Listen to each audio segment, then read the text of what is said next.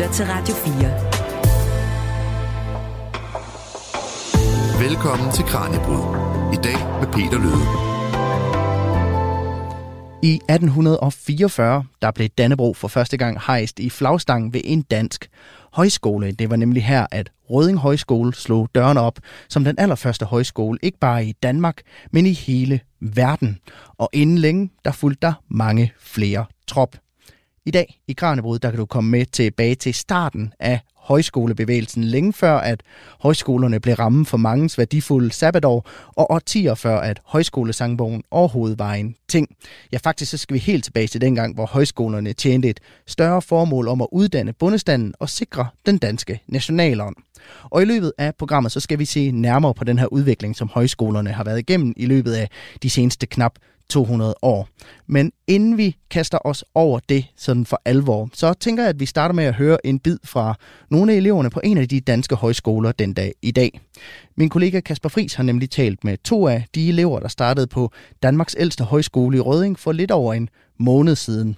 Andreas Horskær og Amalie Risbjerg Hermansen er på højskolens lange kursus her i de kommende måneder. De har begge to valgt at tage journalistik som hovedfag under deres ophold. Og Andreas Horskær, han øh, drømmer om en karriere som journalist, og det skal højskolen altså hjælpe ham med at nå i mål med. Jamen, jeg håber at være bedre rustet til at kunne søge Journalisthøjskolen næste gang. Øhm, og så komme ind der, fordi at det, jeg er på en journalistisk øh, linje her, hvor vi, hvor vi træner det at være journalist, eller vi træner journalistik. Men det kunne du måske også have trænet i Aalborg, hvor du, hvor du stammer fra? Det kunne jeg godt, ja, men jeg havde også brug for at ikke skulle arbejde, kunne jeg mærke, og proppe noget i hovedet igen. Og det at gå på højskole, det giver også mulighed for at lære en hel masse andre ting, som man ikke nødvendigvis lige lære på andre typer uddannelser. Og det er meget øh, sådan lystbaseret. Man kan vælge at, at lave nogle ting, som man har lyst til, frem for at pligt. Øhm, og så havde jeg brug for at komme ud og, og opleve det fællesskab. Øhm, møde nogle mennesker, som jeg ellers typisk ikke har mødt. Udfordre mig selv lidt og øh, udvide min horisont. Jamen, øh, jeg har egentlig øh, gået på en højskole før. En øh, filmhøjskole i Æbeltoft, fordi jeg var ret sikker på, at jeg ville arbejde med øh, film og i filmindustrien. Og øh, jeg har efterfølgende taget en øh, professionsbachelor, der hedder Multiplatform Storytelling and Production, som er en film- og medieuddannelse i Aarhus. Og den færdiggjorde jeg så i januar, hvor jeg sidenhen har arbejdet med nogle små projekter, og øh, har fået den øh, vanvittige gode idé, at jeg måske skulle øh, berøre mig lidt ind på det journalistiske felt, og så gav jeg mig i kast med at finde kurser, eller en højskole, eller et andet sted, hvor jeg ligesom kunne prøve øh, kræfter med det fag. For jeg synes også, det er en stor beslutning at tage, når jeg allerede har en uddannelse i bagagen, om, øh, om det er det, jeg skal.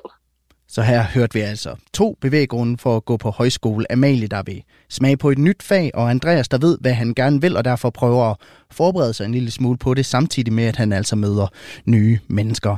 Og vi kommer til at hilse på de her to højskoleelever nogle gange i løbet af dagens program, hvor vi blandt andet også skal se nærmere på de grundvidianske værdier, der stadig danner grundlaget på de fleste højskoler.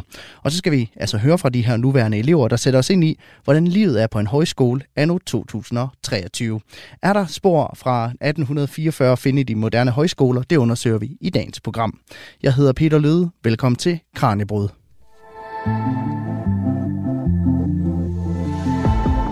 Du lytter til Kranjebrud på Radio 4. Og så kan jeg byde velkommen til dig, Ove Korsgaard.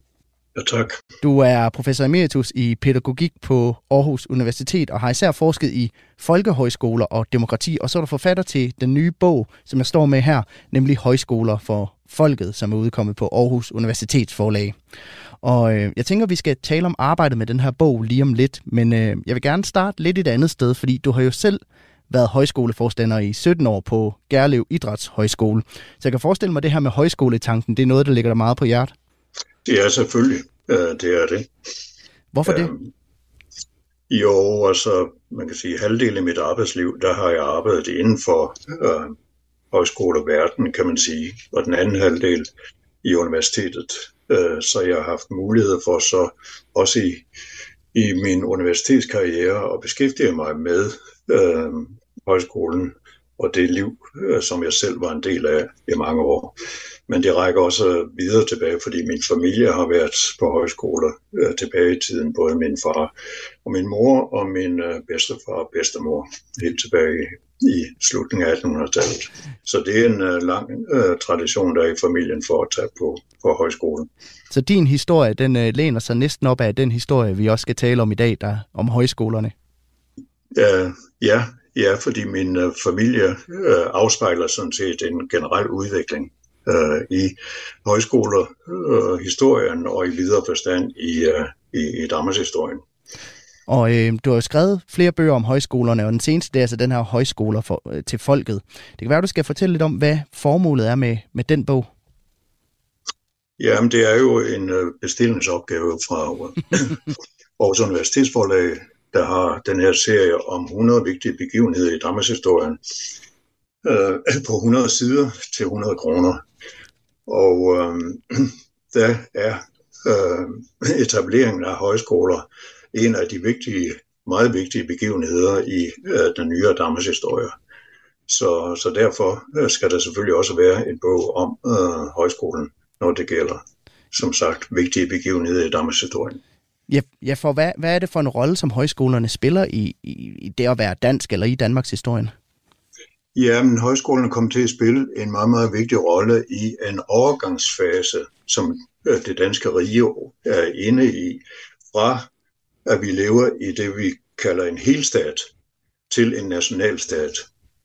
Øh, helstaten bestod af kongeriget og hertugdømmerne Slesvig, øh, Holsten og Lauenborg, og så havde vi de nordatlantiske øer, Island, Færøerne og Grønland, og så nogle kolonier rundt omkring i verden.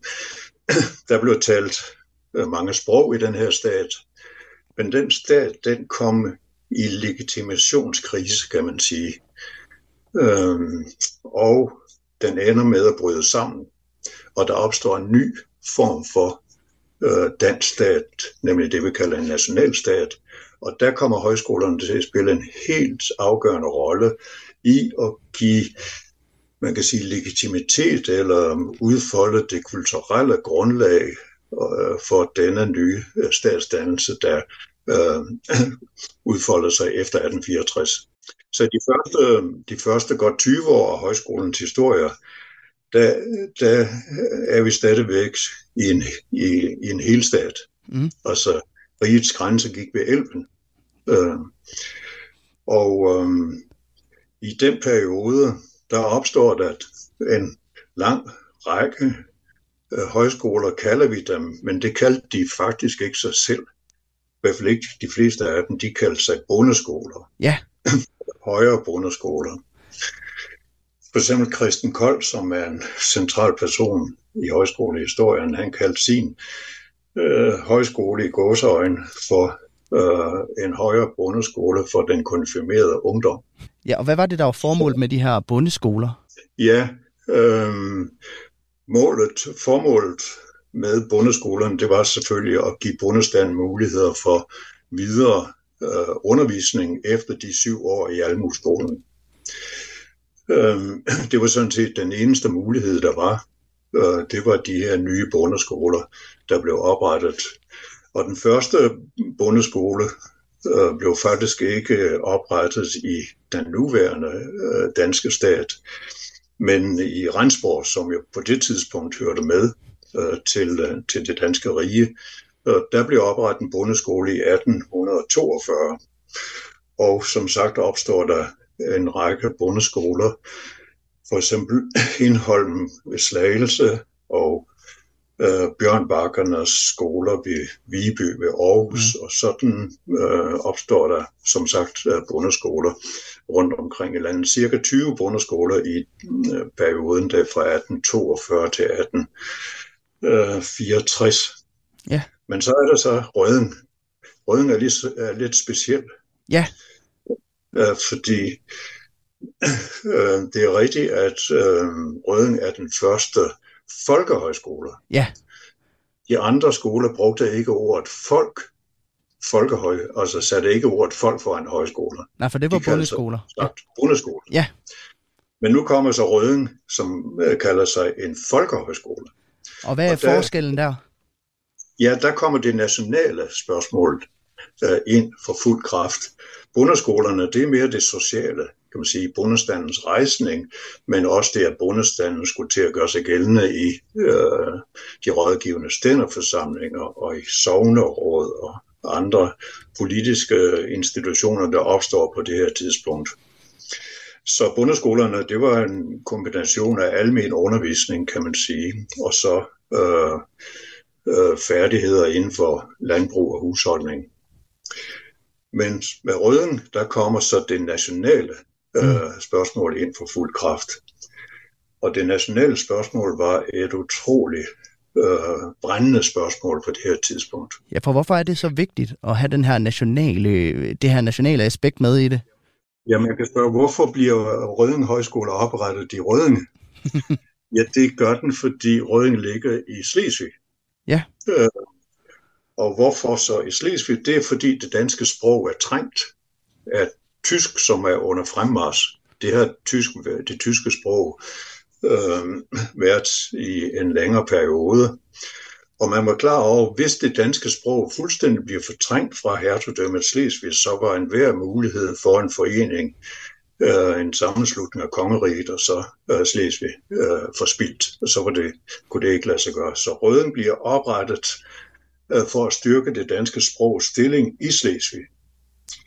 Ja. Øh, Forstanderen, der holdt indvielsestalen den, 7, den 7.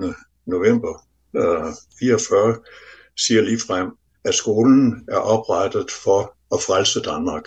Det lyder meget dramatisk, men det er det faktisk ikke. Fordi det, det er ikke kun øh, hertugdømmet Slesvig, man vil redde.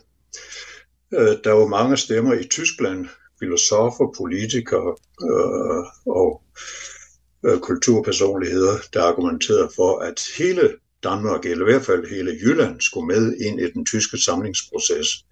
Man skal huske på, at Tyskland er jo ikke samlet på det her tidspunkt. Tyskland består af mange mm. øh, forskellige stater, men der var en samlingsproces i gang, og der var bestemt øh, mange tyskere, der argumenterede for, at Danmark, som sagt, i, i hvert fald Jylland, skulle med i den tyske samlingsproces, og så kunne øerne gå til Sverige. Der var, der var så lidt tilbage, så, så det kunne lige så godt komme ind under Sverige. Så sådan, øh, sådan så sige, billedet ud for, for mange mennesker, øh, og, øh, og højskolefolk øh, omkring, eller øh, de folk, der var omkring Røden, øh, så altså Røden som en nødvendig øh, skole i den nationale kamp mm. i, i Slesvig. For simpelthen at holde sammen på Danmark i, i sidste ende. Ja, holde sammen på Danmark, det er så lidt kompliceret, fordi man var sådan set ikke interesseret i at få Holsten med i en dansk nationalstat. Fordi alle øh, holstenerne, de orienterede sig mod Tyskland og var i forvejen med det tyske forbund. Så det, det, det er kompliceret. Mm-hmm. Øh, så man var sådan set interesseret i at få Holsten ud, øh, men man var interesseret i at få hele Slesvig ind, mm. sammen og knytte sammen med kongeriget. Så det er, den, øh, det er den kamp, der foregår. Den kamp, den bliver så først afgjort på en meget brutal måde, kan man sige, i 1864. Fordi der, der mister vi ikke bare Holsten, og det var vi sådan, som sagt øh, udmærket tilfreds med, ud med Holsten. Men den helt store katastrofe, det var, at vi mistede hele Slesvig. Ikke bare den sydlige del af Slesvig, hvor alle hvor øh, folk overvejende talte tysk, men også den nordlige del af Slesvig, hvor folk øh, talte dansk og orienterede sig mod Danmark og betragtede sig som danskere. Så det var den øh, helt store øh, katastrofe. Men det, der så sker, det er, at vi sådan set går fra at være en multisproglig stat og en multinational stat til en nationalstat, fordi nu kommer der overensstemmelse mellem stat, nation, folk og sprog. Ja. Og det er, man sige, idealet af en nationalstat. Ja, og, og en af kernefigurerne i det, det var jo netop øh, NFS Grundtvig, som mange nok øh, tænker på, når man tænker på højskoler. Og ham skal vi tale om lige om lidt. Men inden da, så tænker jeg, at vi skal høre lidt mere fra nogle af dem, der går på Røding Højskole den dag i dag, nemlig 23-årig Andreas Horskær og 26-årig Amalie Risberg Hermansen. Fordi Andreas Horskær, han erkender altså, at den her historie, som vi lige har hørt om øh, fødslen af Røding Højskole, det er altså ikke det, der fylder hos ham, da han skulle vælge højskole i sin tid vi har hørt en hel masse om, om historien for, for højskolen selvfølgelig, og dens beliggenhed har jo også en historisk betydning i og med, at den ligger hernede omkring, ikke så langt fra grænselandet og i Sønderjylland, og der har jo været en hel masse øh, historie omkring det med Sydslesvig og de gamle krige øh, med Preussen og så videre, og under 2. verdenskrig blev den faktisk også besat af tyskere. Øh, så på den måde har, vi, har der været meget fokus på højskolens historie, især i starten, men for de fag, vi har, og hvordan højskolen ellers kører, så øh, jeg tror, jeg, jeg vil sige, jeg tror, det er meget sådan en traditionel måde at køre højskole på, som vi gør her. Altså jeg tror ikke nødvendigvis, det øh, adskiller sig fra andre højskoler, men der er ingen tvivl om, at vores forstander har et øh, særligt kærlighed til de grundvianske værdier, og vi er også blevet undervist i det. Hvordan går det med morgensongen? Gider folk godt at synge med? Det bliver kun mere og mere højlydt for hver dag, der går. Altså, det var noget mere stille i starten. Jeg tror, folk er lidt generet, og hvis ikke lige man øh, har den flotteste sangstemme, så det kan godt være, at man ikke lige brøler igennem. Men øh, det føler jeg egentlig, at folk er, har smidt fuldstændig. Nu er det mest, hvis det er fordi, at sangen er lidt svær, at det ikke bliver sunget med. Men øh, folk er glade for morgensang. Hvorfor tror du, at det udvikler sig på den måde? Nu har jeg været der i en god måneds tid. Oh, jamen, der er vel en eller anden form for sikkerhedsnet, vi er med til at bygge op sammen, og det gør det også lidt mere øh, trygt at se dum ud, eller øh, sige noget fjollet, eller komme til at ramme en tone forkert. Det gør det ligesom lidt mindre farligt, når man også har kendskab til, hvem man sidder omkring. Så det er en tradition, tænker du, som har en anden form for værdi, og ikke bare kedelig? Absolut, det synes jeg. Og det er også øh, min generelle fornemmelse, at det synes de andre elever her på højskolen også. Og det, det giver bare det giver bare en god start på dagen, og det er fedt lige at samles med alle, øh, der går her på skolen. Vi bliver spredt ud på alle mulige fag i løbet af dagen. Og det, jamen, det giver sgu nok også en eller anden fællesskabsfølelse, synes jeg, at man så synger sammen hver morgen. Og det var altså min kollega Kasper Friis, der havde talt med Andreas Horskær og Amalie Risberg Hermansen. Og øh, nu blev det nævnt det her med sangen, Ove, og øh, det er jo noget af det, som jeg ved, at, at der er meget vigtigt i den grundvidianske sammenhæng. Så øh, Lad os øh, kaste os over og forstå Grundtvig en lille smule bedre.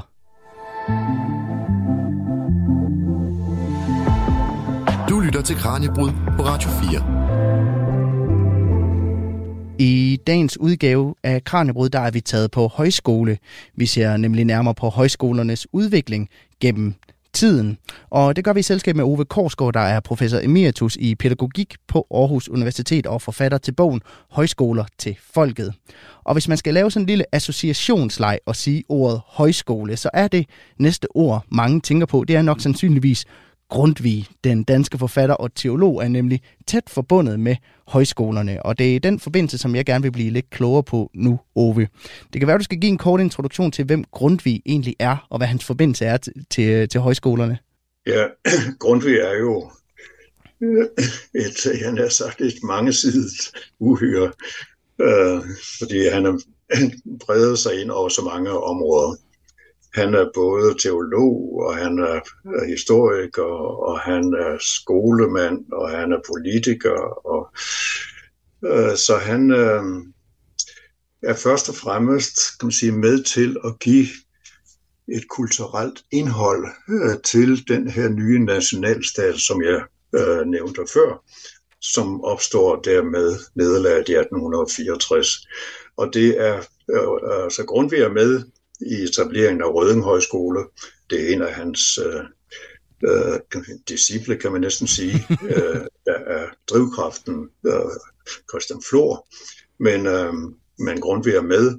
Men det er så først efter 1864, at den grundviske højskole mm. får alvor slår igennem. Øhm, og det hænger sammen med, at øh, den højskoletanke, som Grundtvig udfolder, nu for alvor øh, får betydning for den øh, for udviklingen af den stat, der kommer ud af nederlaget i 1864. Øh, I løbet af ganske få år, øh, 7-8 år, der opstår der en, en 50-60 nye øh, skoler, højskoler rundt omkring i landet. De opstår som paddehatte næsten, kan man sige, øh, og som sagt er langt de fleste af dem grundfisk. Og hvad vil så en grundvisk højskole sige? Ja, fordi det vil jo være mit næste spørgsmål. Det vil være, altså, hvad er det Grundtvig, han rent faktisk gerne vil med alle de her skoler? Ja, han vil, man kan sige, en historisk poetisk undervisning for nu at øh, bruge den formulering. Og det betyder, at historie og litteratur øh, bliver de to øh, helt dominerende øh, fag på de grundfiske højskoler. Man kan simpelthen definere, og så blev det i samtiden, definere en grundfiske højskole på, om man har mange timer i historie, og man har mange timer mm. i litteratur. Fordi det bliver de to centrale dannelsesfag. Og det har at gøre med, at sproget, som jeg nævnte tidligere, mm. kommer til at spille en helt anden rolle for øh, øh, i en nationalstat end i den gamle helstat, hvor det var religion, der var det fælles. Nu bliver det sproget, der bliver det fælles grundlag for, for staten. Og, øh, men det er også vigtigt at sige, at øh, man selvfølgelig ikke kun havde historieundervisning og litteraturundervisning øh, på højskoler. Man havde også praktiske øh, fag. Dengang var det ikke journalistik, øh, som vi hørte øh, om tidligere her, men øh, der var det landbrugslærer og husholdenslærer. Øh, så man kan sige, at cirka halvdelen af timerne blev brugt på en grundvisk højskole på de, på de historisk-poetiske fag, øh, og den anden halvdel af timerne til øh, mere kundskabsorienterede fag i relation til øh, det øh, arbejdsliv, man skulle ud i. Og for den, på den tid, der var øh, 90 procent kom jo fra landet, øh, som det var bønder kale og bønder piger, der øh, øh, fyldte eleverne, fyldte skolerne op. Ja, for mit, mit næste, min tanke var jo, altså, hvem er det, de her folkehøjskoler er til for? Hvem er eleverne på de her nye, øh, nye skoler på det her tidspunkt? Ja, det kan siges ganske klart. Det er jo bønder kalder, bønder piger. Ja. Øh, det var, ja, 90 procent.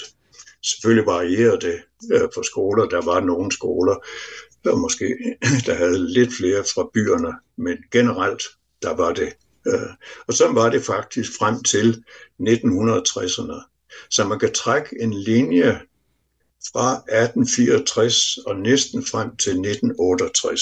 Ja. Der er der enhedspræg i højskolen, som har at gøre med, at uh, eleverne de kom fra landet, det var kalder og piger, der ville have videre skolegang, øh, mere undervisning efter de syv år i øh, Almuskolen, ja, og som senere blev til folkeskolen. Så øh, og, og selvom vi fik andre øh, skole, øh, skoler etableret på et andet ideologisk grundlag end et rent grundvisk, altså vi fik intermissionske højskoler, vi fik arbejderhøjskoler, vi fik også andre former for mm. højskoler, men øh, det er alligevel den grundviske højskole, øh, der bliver normgivende og etablerer de ritualer, som vi også hørte med morgensang. Det er jo en øh, institution, der har fulgt, som man kan følge gennem hele højskolens historie, helt frem til i dag. Ja. Øh, og det var den grundfiske højskole med til at etablere den. Det ritual, at man samles om morgenen øh, inden man går ud i øh, de forskellige øh, fag. Samles om morgenen og høre øh, noget blive sagt fra hjertet, og så ellers øh, synge øh, sammen. Så, den, øh, så det blev etableret med grundfiske højskoler, ja. øh, og kom også til at præge de øvrige Øh, selvom de måske ikke definerede sig som øh, grundfiskerhøjskoler. Og nu, øh, nu har vi jo talt om det her med, at, at Grundtvig gik meget op i, i forholdet mellem stat og folk og nation og, og, og sprog, og det er ligesom det, han gerne vil promovere også på højskolerne. Hvad er det for et forhold, som Grundtvig mener, der er mellem de her fire ting? Ja, han mener, at øh, folk, dem der taler samme sprog, tilhører samme folk det, er det, skal man, det, er, det er en øh, forholdsvis ny opfattelse. Selvfølgelig har den øh, rødder tilbage i tiden også, men det er en ny opfattelse, fordi den, da vi stadigvæk levede i hele staten, der var ordet folk en undersortskategori, men levede i en standsamfund. Altså kort tid var første stand, gejstligheden anden stand, borgerskabet, de byerne, de handlende og, og håndværkerne, mestrene var, var tredje stand, og så havde man folket. Mm. Men Grundtvig er så med til at hive det her begreb folk op fra at være en undersat kategori til at blive en uh, uh, suverænitetskategori, kan man sige.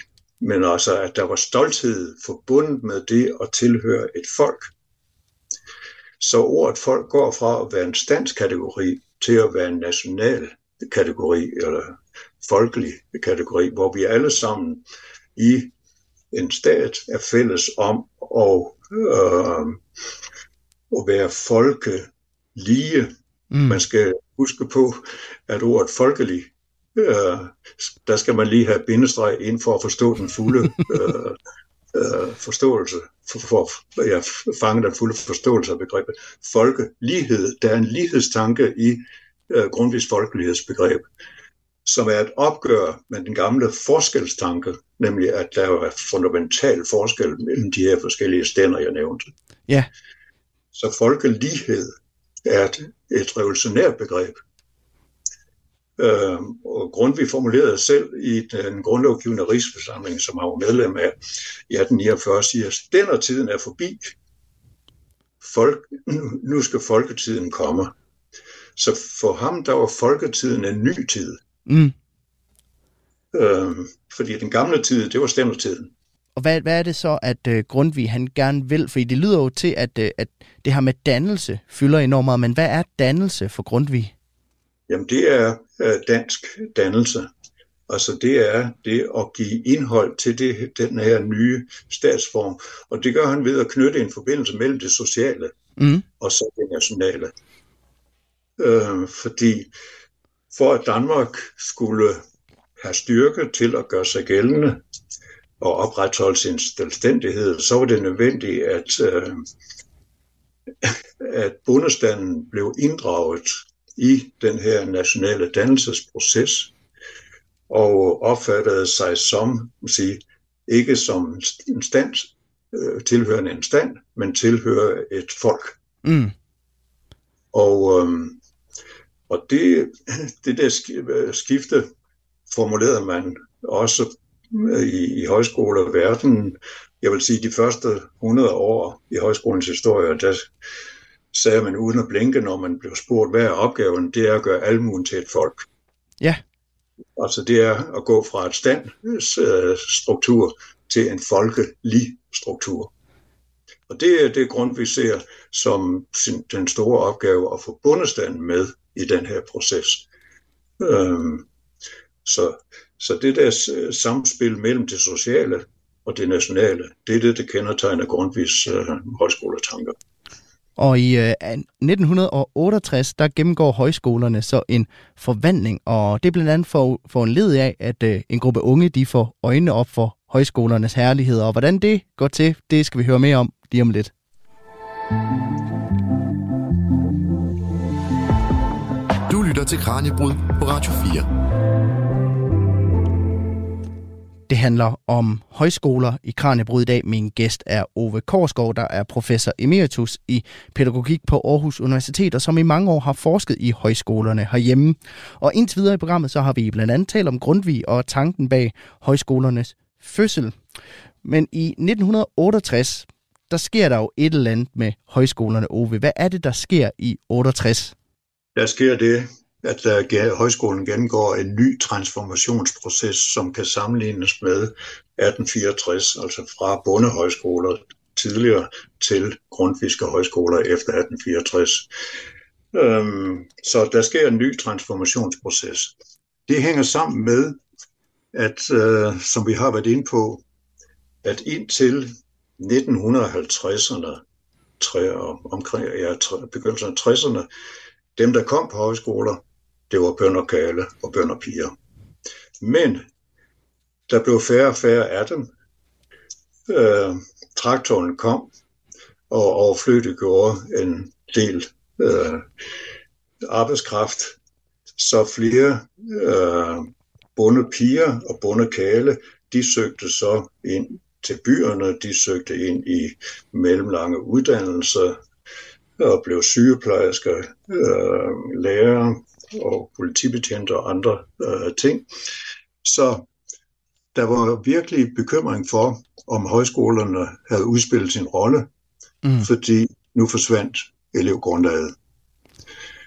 Og, øhm, og sådan var der virkelig bekymrede stemmer på det der tidspunkt, der tænkte, jamen, der, altså, vi kan se ind i en fremtid, hvor der bliver færre og færre husmænd og, og, og, og bønder.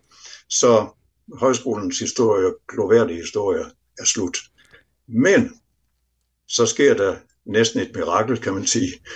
I 1968, for nu at tage det der mm. symbolske årtal som udgangspunkt, så begynder folk fra, unge fra byerne og ja, nær så vælte ind på højskoler for at være med til at udvikle en alternativ livsform. Ja. Og en alternativ samfundsform. Det blev sådan kernebegreber øh, dengang. Øh, så det er et helt nyt øh, elevklientel, der nu begynder at øh, øh, fylde øh, højskolerne, og der opstår mange nye højskoler i den der periode for at imødekomme behovet fra unge øh, fra, øh, fra byerne. Så det, man kan tage øh, Asker Højskole som eksempel på den her udvikling, fordi Asker Højskole blev oprettet i 1865 og var det, man kaldte højskolernes flagskib, faktisk frem til 1968. Ja. Men i 1968, 69, 70, der opstod der en stor splid på Askov, og Askov øh, blev delt. Øh, en tredjedel af lærerne øh, forsvandt fra skolen og etablerede sig i Kolding og oprettede Kolding Højskole på et socialistisk grundlag. Og der blev oprettet andre socialistiske øh, højskoler. Den Røde Højskole i Svendborg, Assens Højskole og øh, Store Restrup Højskole. Og Tvind, som ligesom har sin egen ideologi, men alligevel hører til i samme øh, øh, gruppering, kan man sige. Tvind blev det store, det store nye øh, form for højskole, øh, og tiltræk masser af elever. Men det lyder, det lyder jo også lidt til, at det på en eller anden måde hænger sammen med ungdomsoprøret, der også kom på det, det her tidspunkt. Jamen simpelthen, det, det, Ja, man kan næsten sige, det er ungdomsoprøret, der redder højskolen. Øh, fordi, som sagt, det gamle elevgrundlag smuldrede, og ungdomsoprøret var med til at tilføre højskolen nye elevgrupper, nye øh, befolkningsgrupper, øh, begyndte nu at orientere sig mod højskolen. Hvad, hvad er det så, de får øjnene op for på de her højskoler? Altså, hvorfor de det lige højskolerne, de vælger at, at kaste over? Jamen, fordi det er jo en fri skoleform. Det var det, der var det attraktive. Nu kunne man her sige, afprøve sig selv. Man kunne udvikle, som jeg nævnte, en, øh, prøve at udvikle en alternativ øh, livsstil, en alternativ øh, samfundsform. Så der blev eksperimenteret på livet løs øh, på højskoler. Der blev bygget vindmøller, der blev bygget solfanger, der blev etableret øh, biodynamiske øh, øh havebrug osv. Så det var også øh, det praktiske kan man sige, kom også ind på en helt anden måde end tidligere. Øh, fordi det, der jo også sker, det er, at bønderkale og bønderpiger, de havde jo hårdt arbejdet ved landbruget og i husholdning.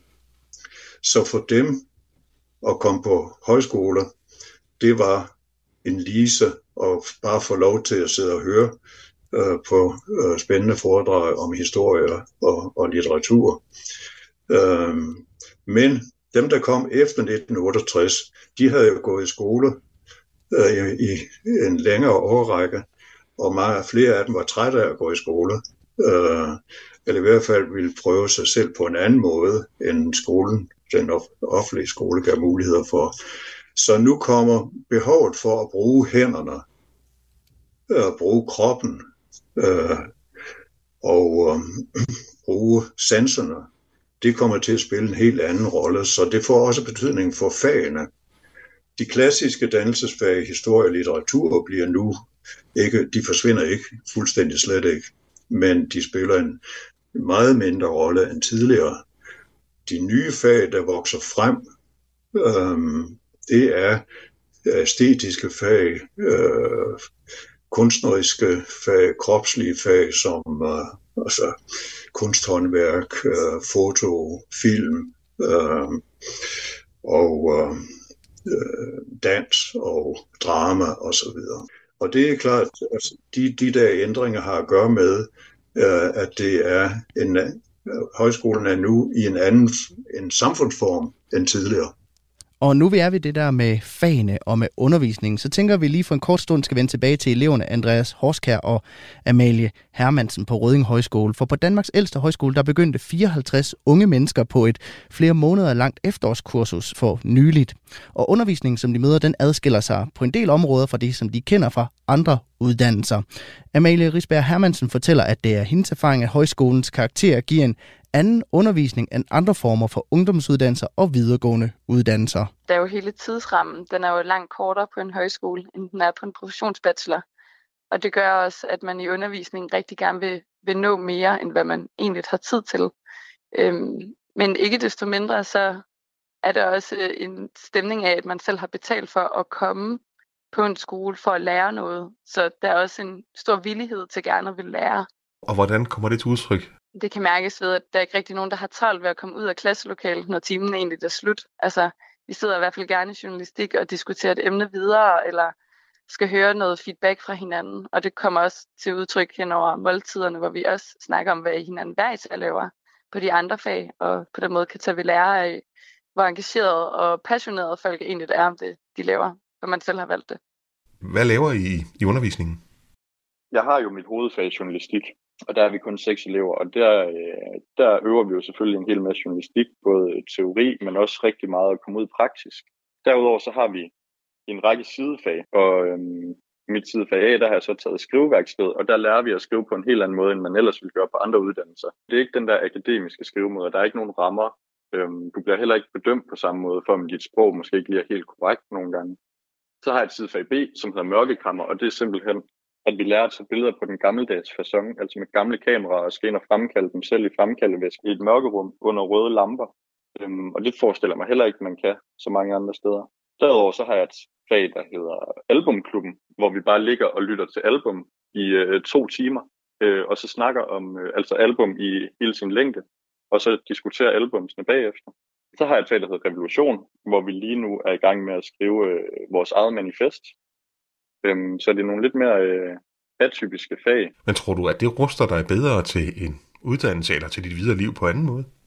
Det giver mig i hvert fald øh, noget mere perspektiv og nogle andre færdigheder, end jeg ellers ville kunne have fundet andre steder, er min fornemmelse. Altså, man bliver mere kreativ, og du skal også, du finder meget ud af, hvordan du selv er inden for de forskellige, for eksempel i sådan noget som skriveværksted, der man opdager meget, hvordan ens eget sprog kan bruges, og hvordan du kan lege med det og være kreativ. Og i forhold til journalistik, så ruster det mig helt klart bedre til en kommende optagelsesprøve, eller skulle søge ind på journalistuddannelse, fordi jeg ved meget mere, hvad det handler om allerede på en måned. Og, og så sådan noget som mørkekammer, det, det, det ruster mig måske ikke bedre til fremtiden og albumklubben og sådan noget, men det, det er bare øh, stadigvæk sjovt at lære om noget, som man måske ikke lige sådan ellers typisk ville lære om, og det tror jeg egentlig altid er godt øhm, med perspektiv og, og udvide sin horisont. Så på den måde tror jeg, sådan, det, det er god almen dannelse.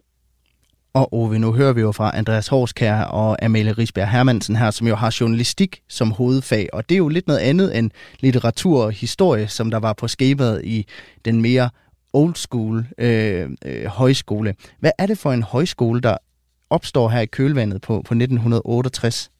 Jo, men jeg synes ikke, at øh, det lyder til, at der er så stor forskel, øh, hvis det er sådan, man sammenligner journalistik med øh, gødningslærer og husholdenslærer øh, og øh, planteavl osv. Det var den tids øh, bønderkaler og bønderpiger, der skulle tilbage til landbruget, og de skulle gerne have flere øh, kvalifikationer øh, til deres erhverv, end de havde. Så det fik de jo på højskoler. Øh, her er der nogen, der øh, ønsker at blive journalister og forbereder sig til, til det. Men derudover har de jo andre fag, og Øh, jeg synes, de formulerer sig utrolig øh, flot og godt omkring også det almene øh, perspektiv, øh, der ligger i øh, højskolen. Det er jo ikke kun journalistik. Øh, de øh, udfolder sig på øh, andre øh, måder og i andre fag også. Og øh, jeg tænker, at vi skal nå at runde, hvordan den moderne højskoleoplevelse den så ser ud i lidt flere detaljer. Det gør vi lige om lidt.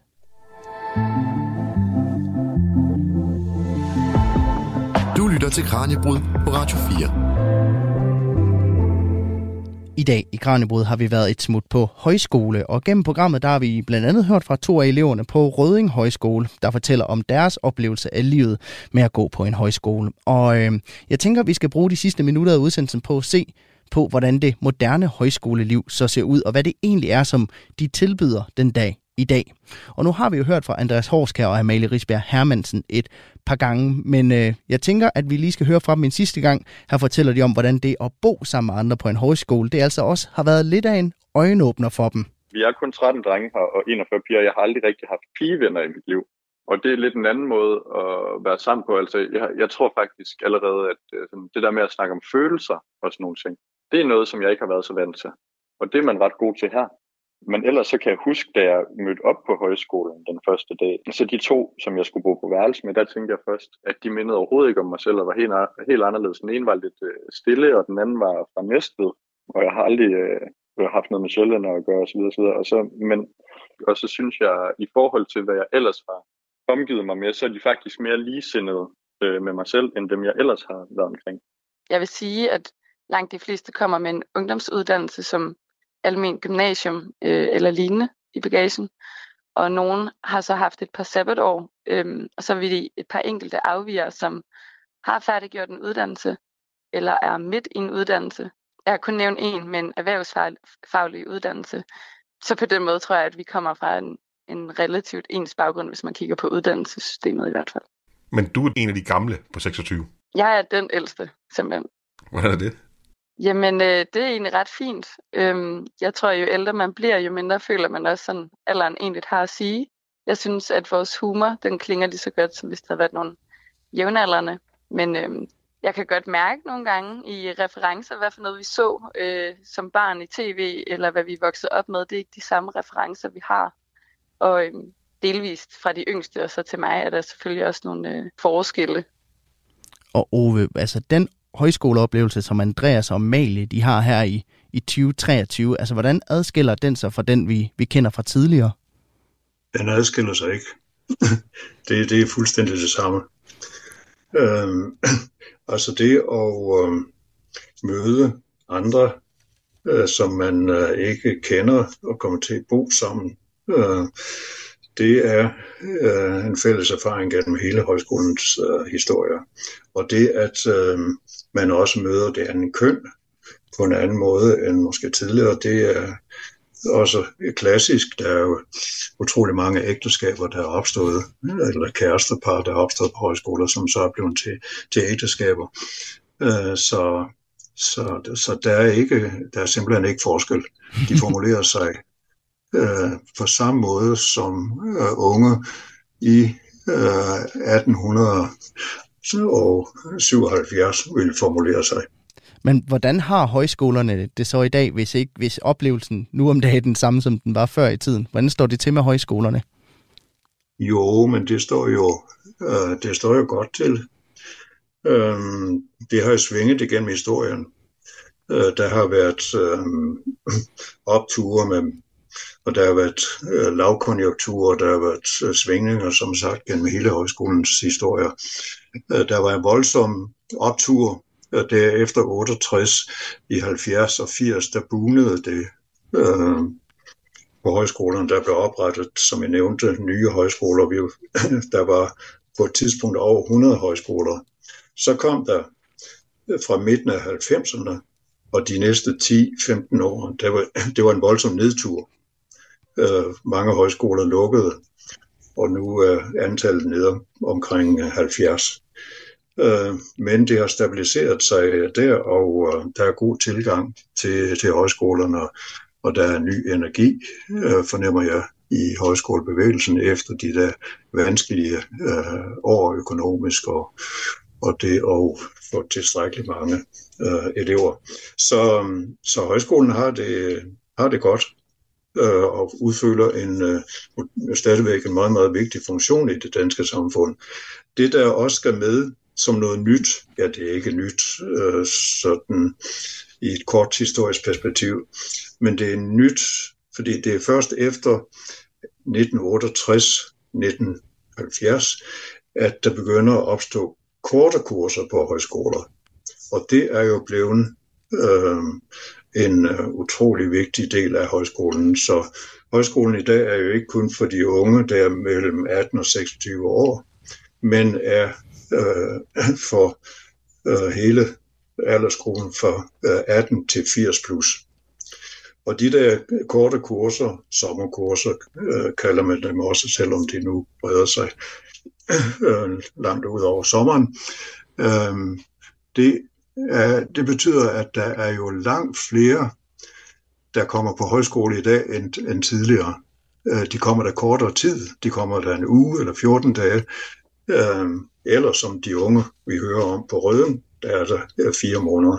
Men altså dem, der kommer på ugekurser, øh, antallet af, af dem gør jo, at der, den danske højskole har forbindelse til langt større, en langt større befolkningsgruppe øh, end, end øh, i den klassiske periode, hvor det var bønder kalder og bønder piger. Men hvorfor er højskolerne stadigvæk relevante her næsten 200 år efter vi så de, vi så de første springe op? Jamen, øh, højskolen er relevant, hvis det er sådan, at den øh, sige, orienterer sig mod de nye, øh, den nye kontekst, som de indgår i. Altså, så højskolen er jo nødt til at gøre sig relevant på en anden måde, end at dengang Danmark var et landbrugssamfund, og øh, det var bønderkaller og bønderpiger, der kom på højskolerne. Øhm, nutidens øh, samfund har jo helt andre udfordringer og helt andre øh, problemstillinger. Og øh, i det omfang højskolen er i stand til at forholde sig øh, til de nye vilkår og de nye problemstillinger, ja, så vil højskolen jo fortsætte med at være øh, relevant. Øh, fordi det er jo vores fælles fremtid, som vi står står overfor og skal forholde os til og blive klogere på. Det lyder som om, at man skal tilpasse sig fremtiden og nutiden, men også have bund i de traditioner, der skabte højskolen. Vi begynder så småt at løbe tør for tid i dag, Ove, men jeg kunne godt tænke mig at høre dig ad her til sidst. Hvis man nu efter programmet her er blevet inspireret til at tage på højskole, hvad skal man så forvente? Ja, man skal forvente øh, øh, det, som øh, de her to øh, dejlige elever fra øh, Røding Højskole øh, fortæller. De, de, de fortæller jo på strålende vis øh, om, hvad det er, øh, der har trukket dem til højskolen, og hvad det er, de synes, de får ud af et højskoleophold. Jeg kan simpelthen ikke gøre det bedre, end, end, de, end de gør, så øh, lyt til dem. Øh, og, øh, og, og, øh, og med sådanne elever, øh, så øh, er højskolen øh, stadigvæk en utrolig vigtig øh, skoleform for deres øh, videre udvikling. Og øh, det bliver simpelthen alt, hvad vi når i dag. Tusind tak, fordi du havde lyst til at være med, Ove Korsgaard, professor emeritus i pædagogik på Aarhus Universitet. Selv tak.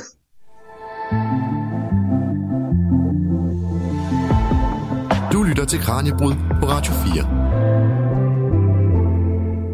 Således nåede vi igennem dagens version af Kranjebrud her på Radio 4.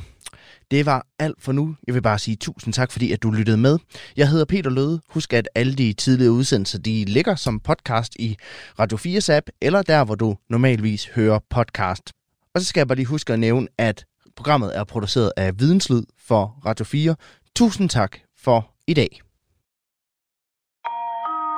Han nægter, at der har været tale om sådan en bevidst manipulationsstrategi fra hans side. Ikke? Charles Manson. Og det er jeg overbevist om, der har været. Kultlederen, der endte som centrum for en række bestialske drab. At det lige går ud over de mennesker, det går ud over, det er et tilfælde. Lyt med, når Christoffer Lind forsøger at forstå mennesket bag monstret i Krimiland. Manson er helt sikkert sociopat. Højst sandsynligt psykopat. Find det i Radio 4's app, eller der, hvor du lytter til podcast. Radio 4. Der er måske mere bag. Ikke så forudsigeligt.